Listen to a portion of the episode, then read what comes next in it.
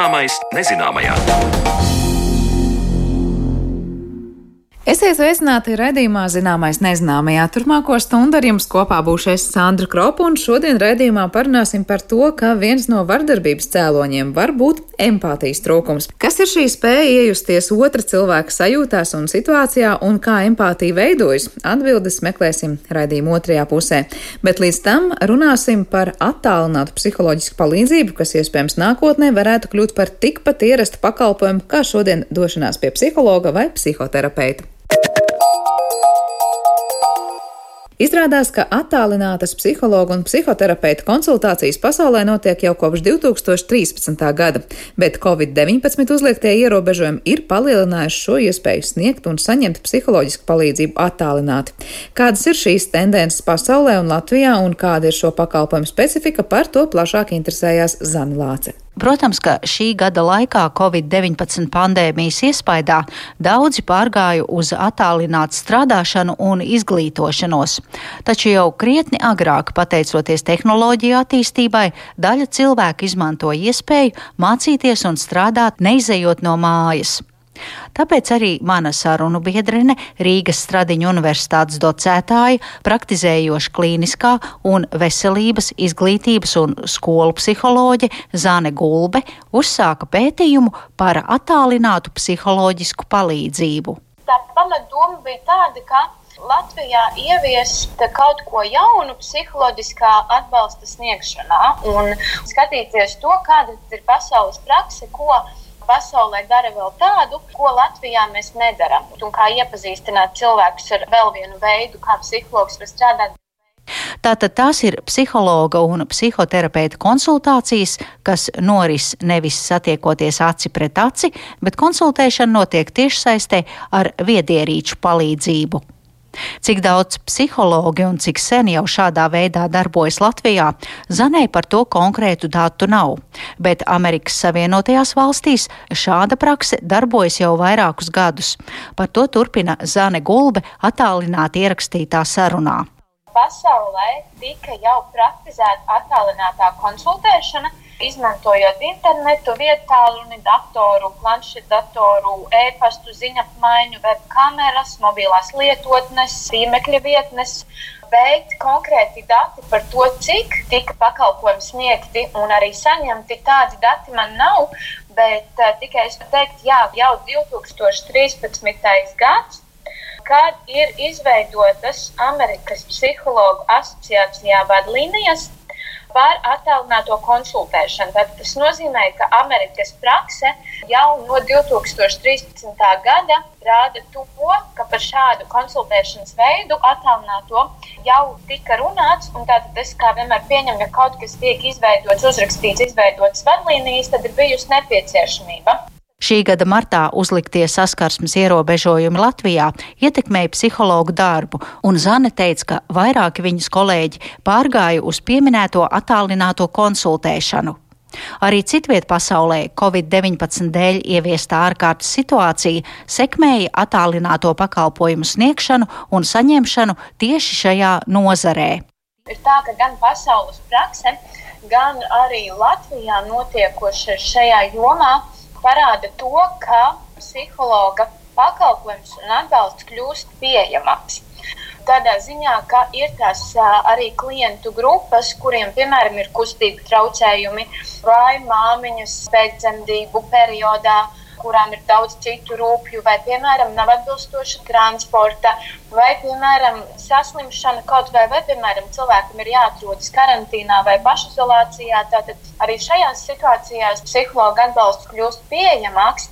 Un arī pēc pasaules prakses un pēc pētījumiem ir arī apliecināts tas, ka attālinātajām konsultācijām ir arī augsta efektivitāte tieši tāpatās kā klātienes konsultācijām. Tikai noteikti te ir jāizvērtē, kuram klientam būs atbilstoši un kuram klientam nebūs atbilstoši.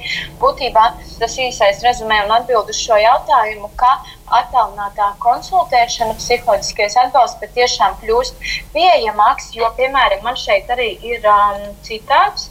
No San Francisco Universitātes kliniskās psiholoģijas docentes, kura ir teikusi tā, ka klientiem, kuri dažādu šķēršļu dēļ nekad nav vērsušies pie psihologa, ieskaitot bažas par nokļūšanu fiziski psihologa kabinetā, iespējas saņemt pakalpojumus tiešsaistē var kļūt par psiholoģiskās veselības iespēju. Tad, tad šeit arī ir tas aspekts, ka neskatoties, piemēram, uz slimību vai kādu traumu, vai, piemēram, transporta nēsamību, vai, piemēram, kā jau minēju, jaunās māmiņas, kurām ir daudz citu rūpju, bet arī tieši tas, ka iespējams, ka tiem klientiem, kuriem ir bijis tāds bloks vai bailes par to, kas vispār fiziski nokļūšu vienā telpā ar psihologu. Un, Un nedod Dievs, kāds vēl redzējis man ieejam viņa privāti praksē vai kabinetā vai iznākumu no tā, tad šī attālinātā konsultēšana ir būtībā arī šiem cilvēkiem teikt, paver iespēju saņemt šo psiholoģisko atbalstu, jo mazinās šīs bailes man fiziski nokļūt psihologa kabinetā. Jūs pieminējāt par to, ka ir nu, nepieciešams aprīkojums. Jautājums ir, nu, ja ne visiem ir pieejami un vai visi nelieto vietālruņus vai datoru, vai reizēm pietiek tikai ar parastu podziņu tālruni, ka es varu piezvanīt savam psihologam, psihoterapeitam un šādā veidā runāt, vai tomēr ir nepieciešams, lai redzētu viens otru seju?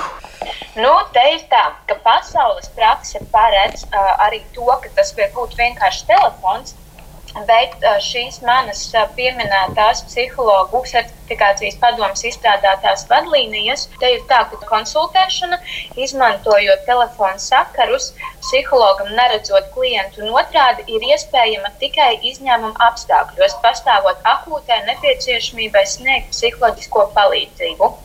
Tā kā, nu, šajā gadījumā šis ir tas, ko paredz Latvijā. Un ir tāds punkts izdots, ka tikai tad, ja, ja patiešām ir akūta nepieciešamība un, un izņēmuma apstākļi, tad drīkst vienkārši sazvanoties pa telefonu.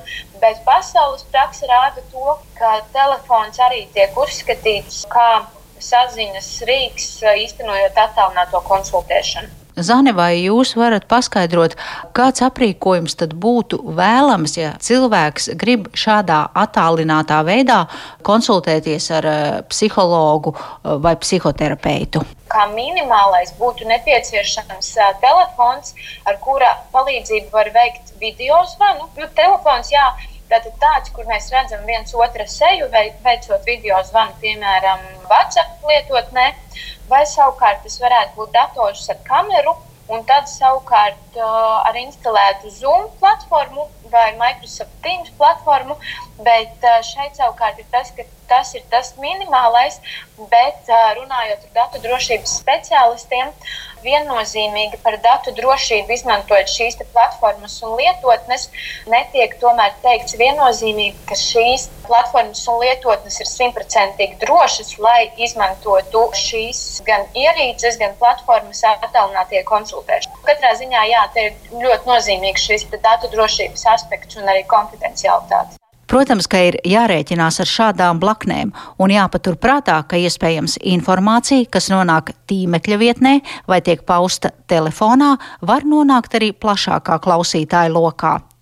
Bet turpinot lūkot telepsiholoģijas, jeb attālinātā psiholoģiskā atbalsta sniegšanas iespējas, Zane Gulbe min, ka tas nebūtu nenozīmē sinhronu sazināšanos.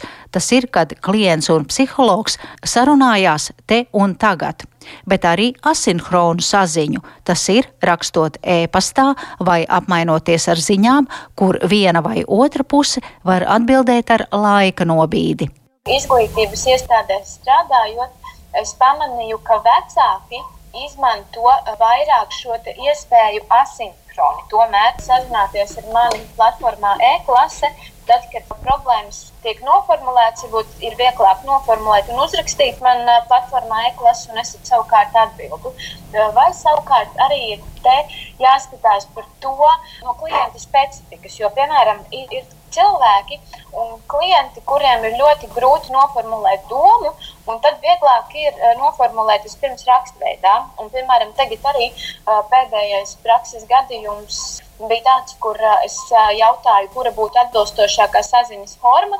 Klients atbildēja WhatsApp, un tad es jautāju, vai tas būtu sazvanīties, vai tas būtu video zvans, vai savukārt tas būtu rakstveidā. Un klients izvēlējās rakstveidā, un tad es uzrakstīju jautājumus vai aspektus, par kuriem padomāt, un nosūtīju klientam un teicu, ka nav jāatbild tulīt un tagad, lai izlasa rūpīgi apdomā un aizsūtīju, un tagad es gaidu, ka klients ir atbildējis.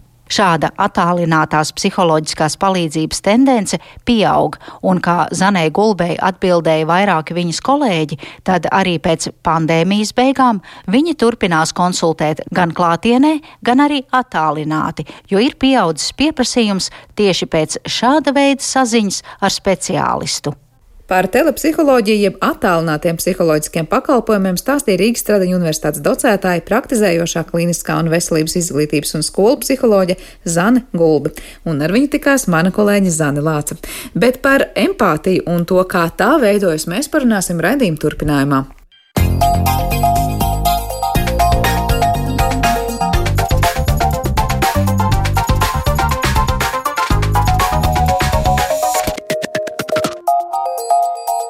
Zināmais nezināmajā.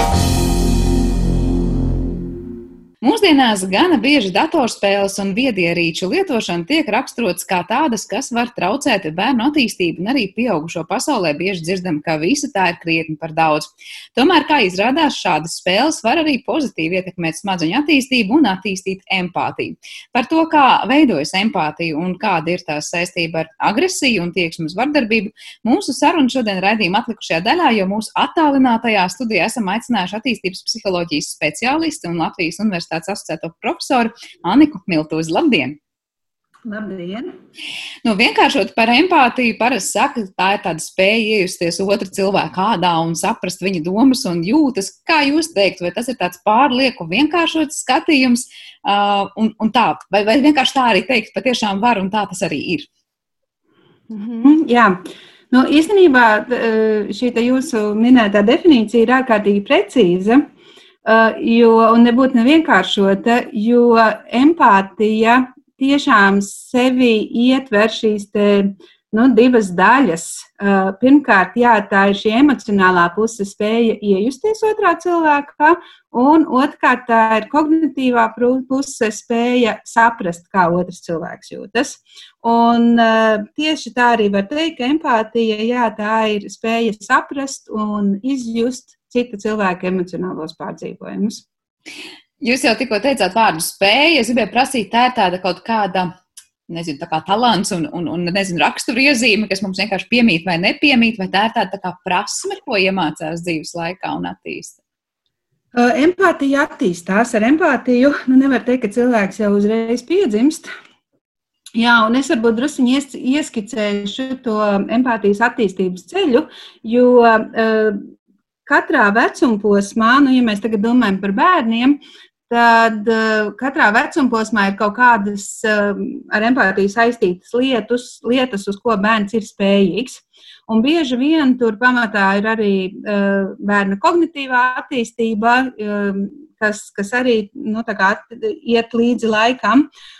Un, uh, nu, jā, mazi bērni kaut kur nu, līdz gada vecumam, uh, viņiem ir savā ziņā nu, tāda dabiskā empātija. Jo, Es nezinu, varbūt dzīvē ir gadījies novērot, ka, piemēram, ja telpā ir vairāki zīdaiņi, tad uh, pietiek sākt vienam raudāt, un pēc laiciņa jau rauda visi pārējie.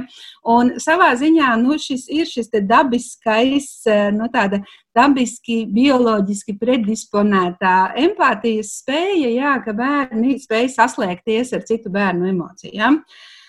Um, Tad eh, tālāk jau nu, vecumā, kaut kur no viena līdz diviem gadiem, bērni jau spēj īstenībā arī empātiski uzvesties, jo nu, kaut vai šis arī fenomens, ka eh, tad, kad viens mazulis redz, ka otrs mazulis raud, viņš var iet klāt un mierināt un tādējādi izrādīt savu empātiju. Un, eh, piemēram, Maks Planka institūtā bija ļoti interesanti pētījumi ar 18 mēnešus veciem bērniem, tas ir pusotrs gads ka e, situācija tika uzmodelēta, ka telpā, kurā ir šis mazais bērns, ienāk pieaugušais, un viņš nes, nu, e, jeb tēlo, ka nes ļoti smagu grāmatu saišķi. Nu, viņam rokās ir pilns ar grāmatām, un viņš ar visu ķermeni rāda, cik viņam ir grūti nest šīs grāmatas. Un tad viņš pieiet pie skāpja un, uh, turot rokā grāmatas, mēģina atvērt skāpi. Uh, bet nu, ļoti izteiksmīgi rādot, ka viņš to nevar. Un bērni jau šajā agrīnajā vecumā uh, viņi izrāda īstenībā prosociālu uzvedību. Viņi uh, pieiet pie šīs skāpja un palīdz pieaugušajiem atvērt skāpi, kas nozīmē, ka jau tiešām ļoti agrīni bērni ir arī nu, kā, motivēti uz palīdzošu uzvedību. Jā, bet viņi, lai gan tajā brīdī, protams, nevar nepastāstīt, kāpēc viņi to dara, jo viņi vēl nemaz nerunā tajā brīdī. Uh, tad, uh, un, un šo uh, no psihologi sauc par šo emocionālo uh, empātiju, ka tādā izjūtu līmenī bērns spēj saprast, uh, jeb izjust, tā būs precīzāk teikt, ka viņam vajag palīdzēt. Uh, par tādu kognitīvo empātiju, respektīvi tas, ka bērns tiešām sāk saprast citu cilvēku jūtas un saprast, ka, nu, kā, kā citiem cilvēkiem iet, mēs varam sākt runāt kaut kur tuvāk četriem gadiem, kad bērnu attīstībā vispār uh, parādās šī tā saucamā prāta teorijas spēja, uh, kad bērns spēj saprast, ka citi cilvēki domā savādāk nekā viņš un ka citu cilvēku nu, šīs domas, jā, varbūt, varbūt uh, pareizas, varbūt nepareizas, un tur vajag noteikti šo attīstības līmeni. Uh, un tad, kad bērns sāk saprast, ka citi cilvēki domā savādāk, viņš spēja arī saprast, ka citi cilvēki jūtas savādāk, un tā ir pavisam nu, jauna tāda spēja empātijai. Uh, Uh, nu jā, un īstenībā jau, jau nu, tuvāk jau skolas vecumam, tur tiešām bērni spēj būt empātiski jau gan, gan, um, gan um, emocionālā, gan kognitīvā līmenī, jā, un, un, un tur šī attīstība jau. Nu, tur ir visi priekšnoteikumi empātijai. Jā. Kā sanāk tajā brīdī, kad ir tas skolas vecums, var teikt, empātija ir izaugusi katrā cilvēkā un pēc tam dzīves laikā, nu tad kāda tā ir, tā ir vai tā turpina attīstīties visu mūžu? Redz, tur ir vairāki arī um, nu, tā saucamie ietekmējošie faktori. Jo viens ir uh, tas, ko es iepriekš izstāstīju, nu, ir šī attīstības iespēja, nu, kas, ko jebkurš cilvēks var sevi izveidot. Bet tālāk jau nāk nu, konkrētā sociālā vide, kurā cilvēks dzīvo, un tad ir tas jautājums, nu, cik viņam ir bijusi dota iespēja šo empātiju attīstīt. Jo, piemēram, vidē, no kur bērns nu, piemēram, cieši no vardarbības, ja pret viņu izturās vardarbīgi, viņam arī ir iespējams grūtāk nu, attīstīt šo empātiju, jo viņām ir dažādi veidi agresīvas uzvedības piemēri, un, un caur to viņš arī ir mācījies šo vardarbīgo uzvedību. Ja? Nu, jā, līdz ar to arī vispār, tad, kad mēs runājam par empātijas attīstīšanu, Protams, diezgan daudz tiek runāts par to, kā vecāki veicina ar dažādiem paņēmieniem nu, šo empātijas un prosociālas uzvedības attīstību. Jo, jo tas, ko es varbūt neuzsvēru, bet, bet ko ir būtiski pateikt, ka uh, empātija ir uh, galvenais prosociālas uzvedības motivators. Tā cilvēcīgā valodā sakot, tātad no cilvēka empātijas ir atkarīgs tas, vai konkrētā situācijā viņš palīdzēs citiem cilvēkiem vai nē. Bet tas un, ir tās tieši Tas ir tieši par to Jā. palīdzēšanu stāsts, vai vispār spēs saprast, kā otrs jūtas, vai, vai nedarīs pāri apzināti vai neapzināti viņam. Um, jā, spēt saprast, kā otrs jūtas. Tā ir empātija. Uh, prosociāla uzvedība ir palīdzoša uzvedība, tā ir dalīšanās ar citiem cilvēkiem, un tā ir, nu, var teikt, citu cilvēku mierināšana. Respektīvi, nu, tās izpausmes uzvedībā, empātijas izpausmes uzvedībā ir prosociāla uzvedība. Tā varētu pateikt. Bet tas, ko jūs pirms tam teicāt, man atkal virzīja tālāk uz domu, ja cilvēkam, piemēram, nav tā empātija tik ļoti attīstīta vai izteikta, Tas būs tas cilvēks, kurš varbūt vieglāk būtu pakļaujams uh, vardarbīgai uzvedībai, vai viņš apzināti, neapzināti vieglāk sāpinās otru. Protams, viņam tas būs varbūt pieņemamāk nekā tam, kuram tā empātija ir augstāk attīstīta. Nu, ir diezgan daudz pētījumu par to, kur parādās, ka tiešām uh, empātija ir cieši saistīta ar agresiju. Nu, respektīvi, uh, jo cilvēks ir empātiskāks, jo viņam um, nu, būs mazāk agresīva uzvedība, jo tur tā ķēdīte ir ļoti nu, viegli skaidri saredzama.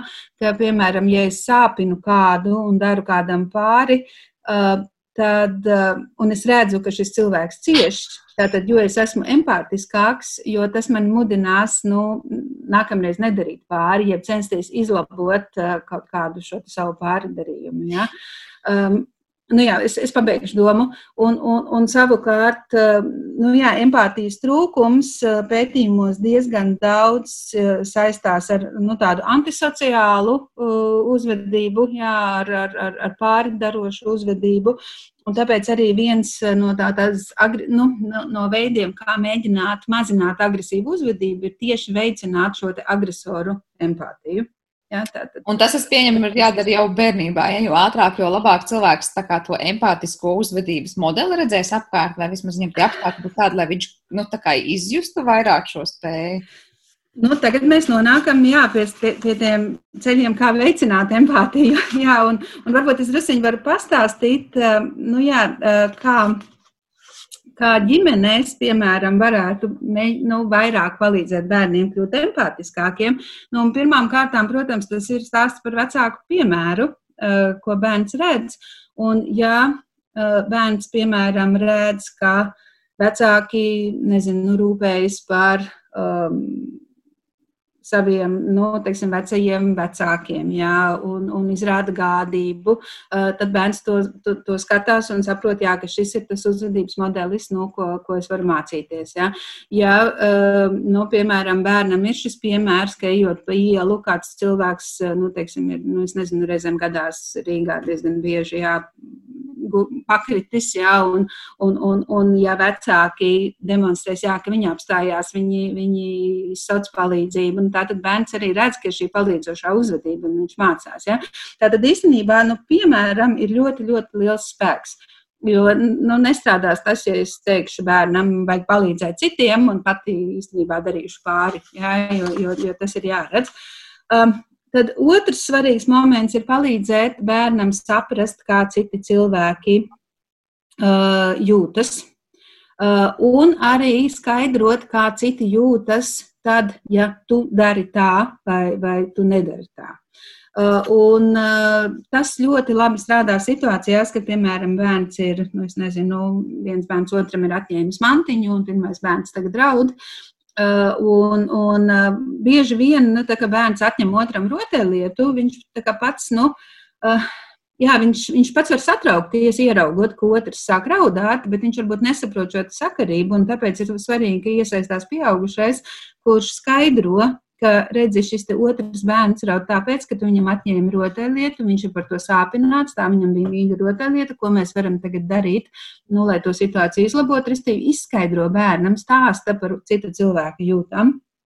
Uh, nu jā, un tad, protams, ir vēl nu, daudz arī citi veidi, tādi ikdienišķi, nu, kaut vai, piemēram, uh, bērnu iesaistīt rūpēs par mājdzīvniekiem, par augiem, uh, un, un, uh, nu, tie ir tie bērnu mazie ikdienas darbiņi, ja, bet tas arī īstenībā veicina gan empātiju, gan prosociālu uzvedību. Jā, tad, jā, jā. Nu, jā un, un, un arī caur dažādām spēlēm, um, jo mēs jau iesākām šo diskusiju tieši ar, ar, ar, ar, ar datorspēlēm, bet arī īstenībā tehnoloģijas var izmantot empātijas attīstīšanai, Jo kaut vai skatīšanās dažādus raidījumus kopā ar bērnu, kur ir šī palīdzošās tēmas iekšā, ja, vai, vai, vai arī jā, dažādu kaut vai šo spēļu spēlēšanu. Jā, tieši par tām es gribēju jums vaicāt, jo es saprotu, ir pat pētījumi šobrīd publicēts par to, kā datorspēles palīdzība var veicināt šo empātisko uzvedību bērniem.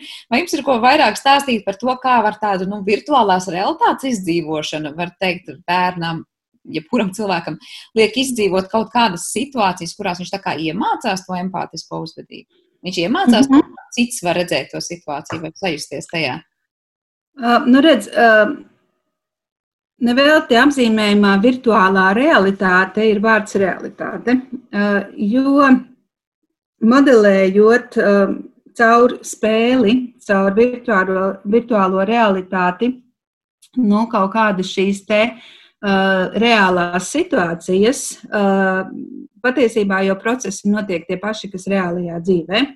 Jā, līdz ar to spēles, datorspēļu izmantošana empātijas veicināšanai ir, ir nu, šobrīd ļoti, man liekas, tāds labs atklājums un laba prakse, jo bērni var spēlēt nu, tādas empātiju rosinošas spēles, no, sākot no tādiem nu, pavisam nelieliem elementiem, tur palīdz, nu, īstenībā palīdzēt, nezinu, nu, trusītim iziet labirintu un nonākt pie burkāna. Ja? Nu, patiesībā tā arī ir palīdzēšana, ja? tā arī ir. Rosināšana līdz pat tādām, nu, varbūt sarežģītākām spēlēm, uz emociju atpazīšanu, uz uh, reakciju konkrētās emocionālās situācijās. Jā, tā kā šobrīd jau uh, pie šī jau, jau, jau pētnieki strādā. Um, un arī nu, es nezinu, vai, vai nu, tad noteikti būtu jāpiemina, jāpiemin, ka, protams, nu, spēļu industrija ir ārkārtīgi plaša un ārkārtīgi dažāda. Ja?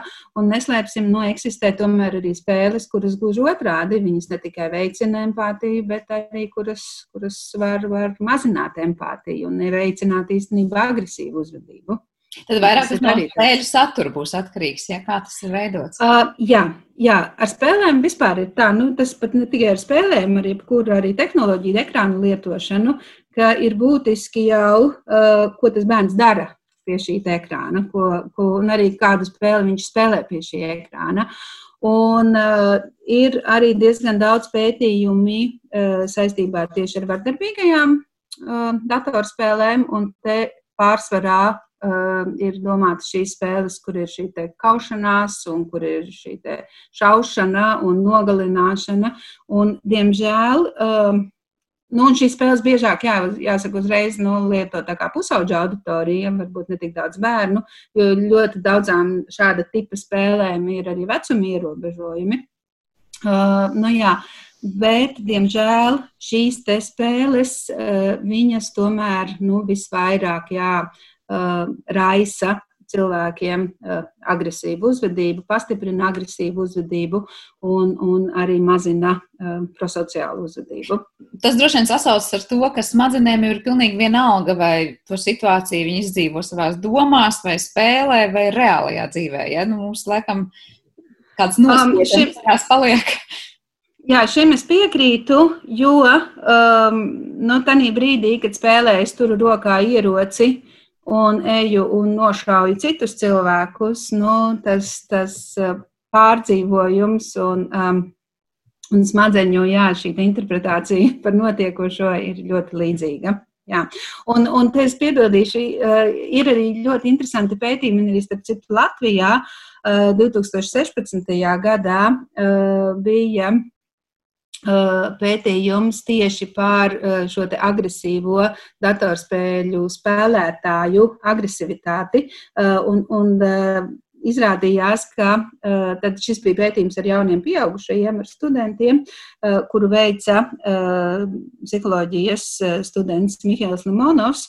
Un tur bija tādi interesanti rezultāti, ka tie studenti, kuri spēlēja nu, jā, šī bija šī šaušanas spēle, kur, kur viņi iejutās nu, tādā absolūti agresīvā lomā, un tur bija bija tur, tur ložmetēnieka loma. Ja?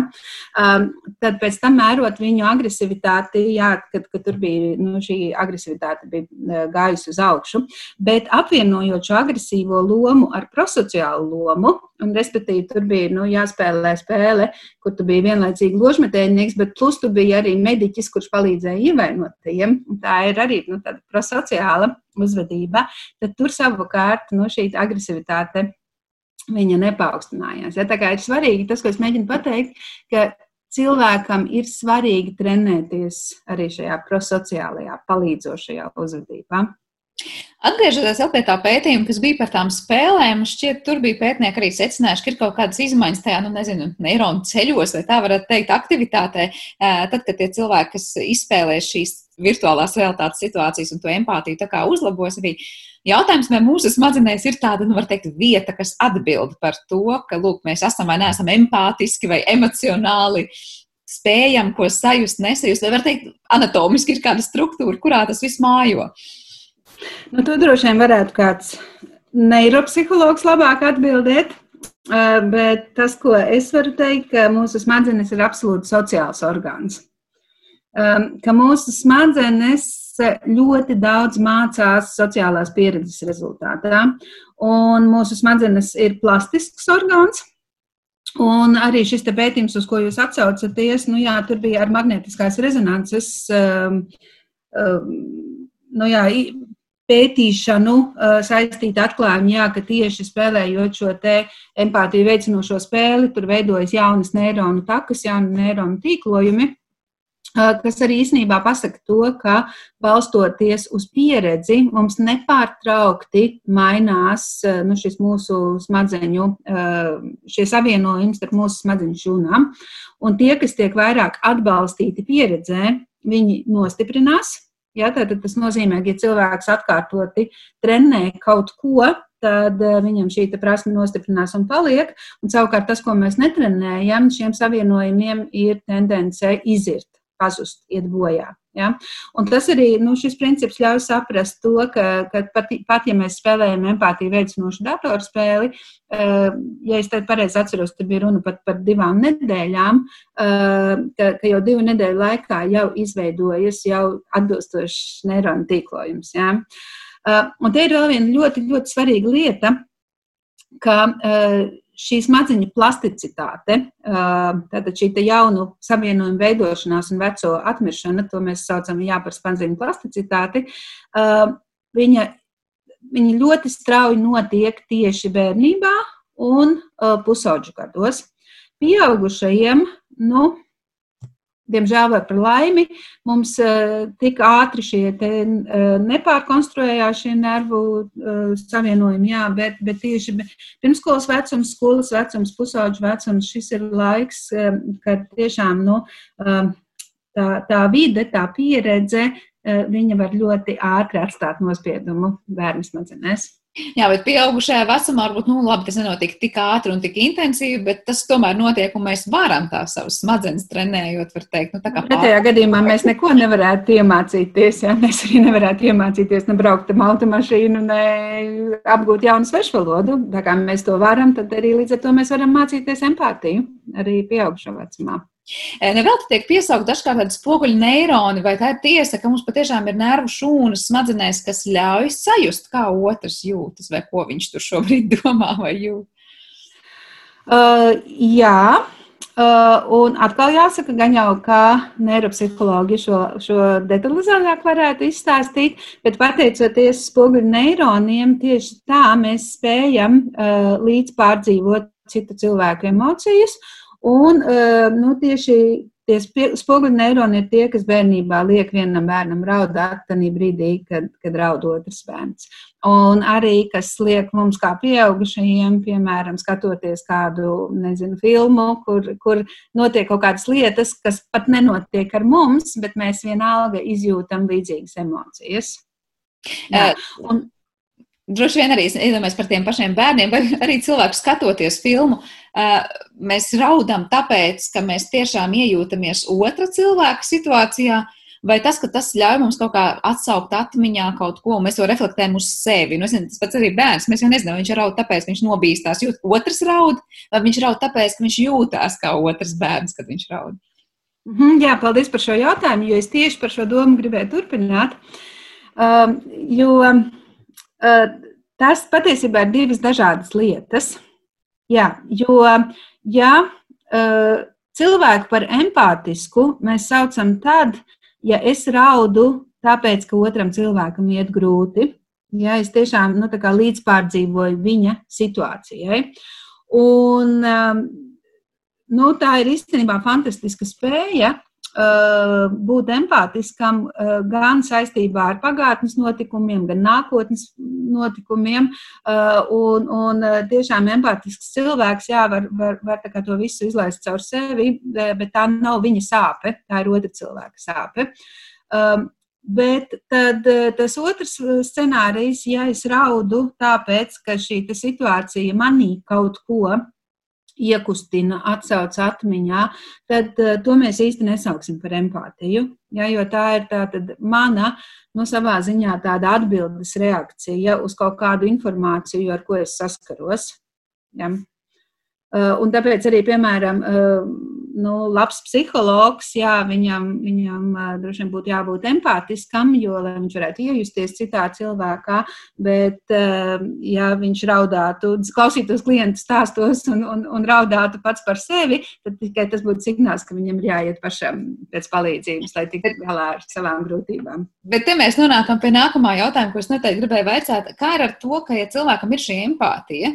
Ir kaut kāda robeža, kurā viņš nesāk dzīvot tā otra cilvēka dzīvi un krist gandrīz vai depresijā tikai tāpēc, ka viņš saskars ar citu cilvēku tur bēdām vai situācijām. Tas būtu līdzīgi kā pie psihologa kāds atnāk un psihologs tik ļoti empātiski dzīvo visam līdzi, ka viņš nu, pārāk ielaiž sevī tās citu cilvēku situācijas. Ir mhm. empātijai ēnas puses, ja tā var teikt.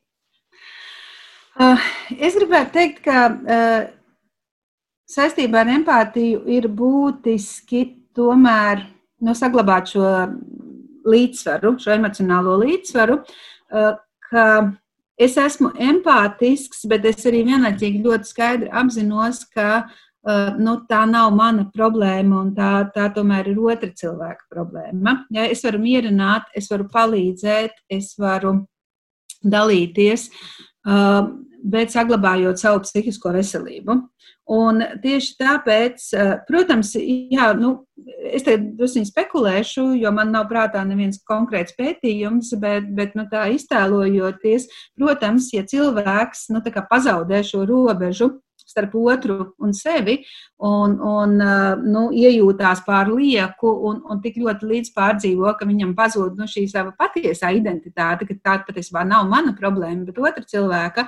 Nu, tas arī varētu būt signāls, ka tomēr varbūt ar to manu emocionālo veselību nu, tur, tur ir kaut kādas grūtības, kad varbūt man tomēr vajadzētu arī nu, padomāt vairāk pašam par sevi. Ja?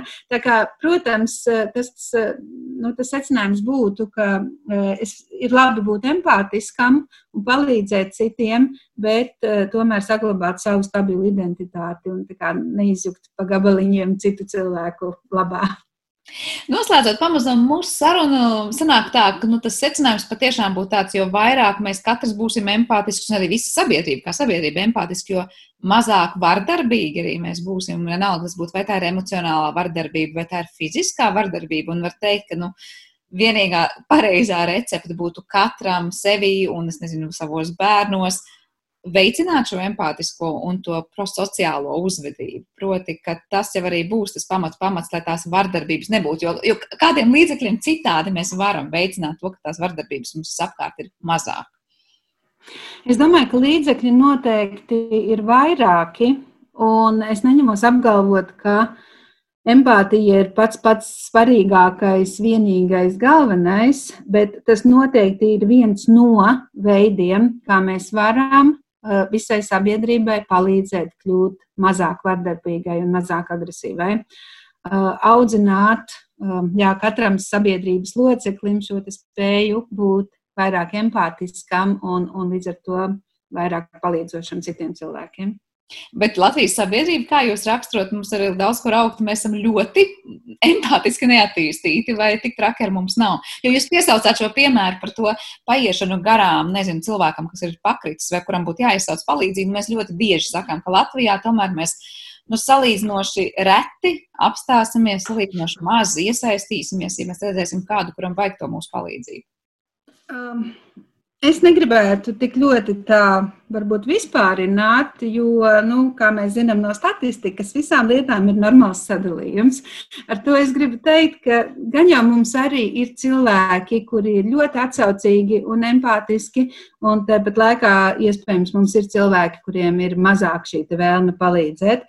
Bet uh, es varbūt varu izmantot vēl brīdi nedaudz ieskicēt vispār lietas, kuras traucē cilvēkiem būt empātiskiem. Un es domāju, mēs uh, nu, Latvijā arī varam te, šīs, šīs lietas atpazīt, kur, kur piemēram, jā, viena ir šī te nu, atbildības neskaidrība, ka kaut vai ejot garām šim cilvēkam uz ielas, uh, nu, ir, ir, ir reizēm tā izjūta, nu, bet gan jau kāds cits pazvanīs tajā ātrē palīdzībai, un gan jau cits izsauks palīdzību. Un reku, reku pa gabaliņu jau stāv, jau, jau, jau viens reku nāk pretī, nu, varbūt viņš to izdarīs, lai man nevajag iesaistīties. Un ka cilvēkiem nevienmēr ir viegli, nu, pieņemt to lēmumu, ka tagad, jā, es būšu tas, kurš iesaistīsies un kurš palīdzēs. Uh, Tāpat arī, piemēram, ieradums, nu, ja es, nu, piedodiet, jau, jau ceturto reizi vienu un to pašu cilvēku redzu šajā situācijā, un, un, un trīs reizes es esmu palīdzējis, un kā redzams, tas nav devis nekādus rezultātus, tad, tad iespējams ceturtā reizē es vairs neiesaistīšos, ja, jo, jo tā situācija nu, jau, jau ir ierasta. Ja. Tā kā, nu, tur, tur ir, tur ir jā, daudz, daudz tādu slēptie mehānismi, kas cilvēkam neļauj neļauj būt, būt palīdzošam konkrētā brīdī. Bet vienalga, jā, man gribētos teikt, tomēr, ka mēs nevaram apgalvot, ka mūsu sabiedrība nu, vairumā ir vai nu empātiski vai neempātiski. Ir visādi. Ir visādi. Tā kā nav tikai melns un balts, tā kā mēs tiešām esam dažādi un, un nevajag arī likt visus vienā maisā un arī par sevi varbūt nevajag vienā, visā situācijā sevi vērtēt balts un melns tādā kategorijā. Lielas jums paldies par šo sarunu attīstības psiholoģijas speciālistu un Latvijas Universitātes asociētā profesora Annika Miltūša. Šodien pie mums bija mūsu attālinātajā raidījuma studijā, ar to arī raidījums ir izskanējis. Paldies jums visiem par klausīšanos un uz tikšanos!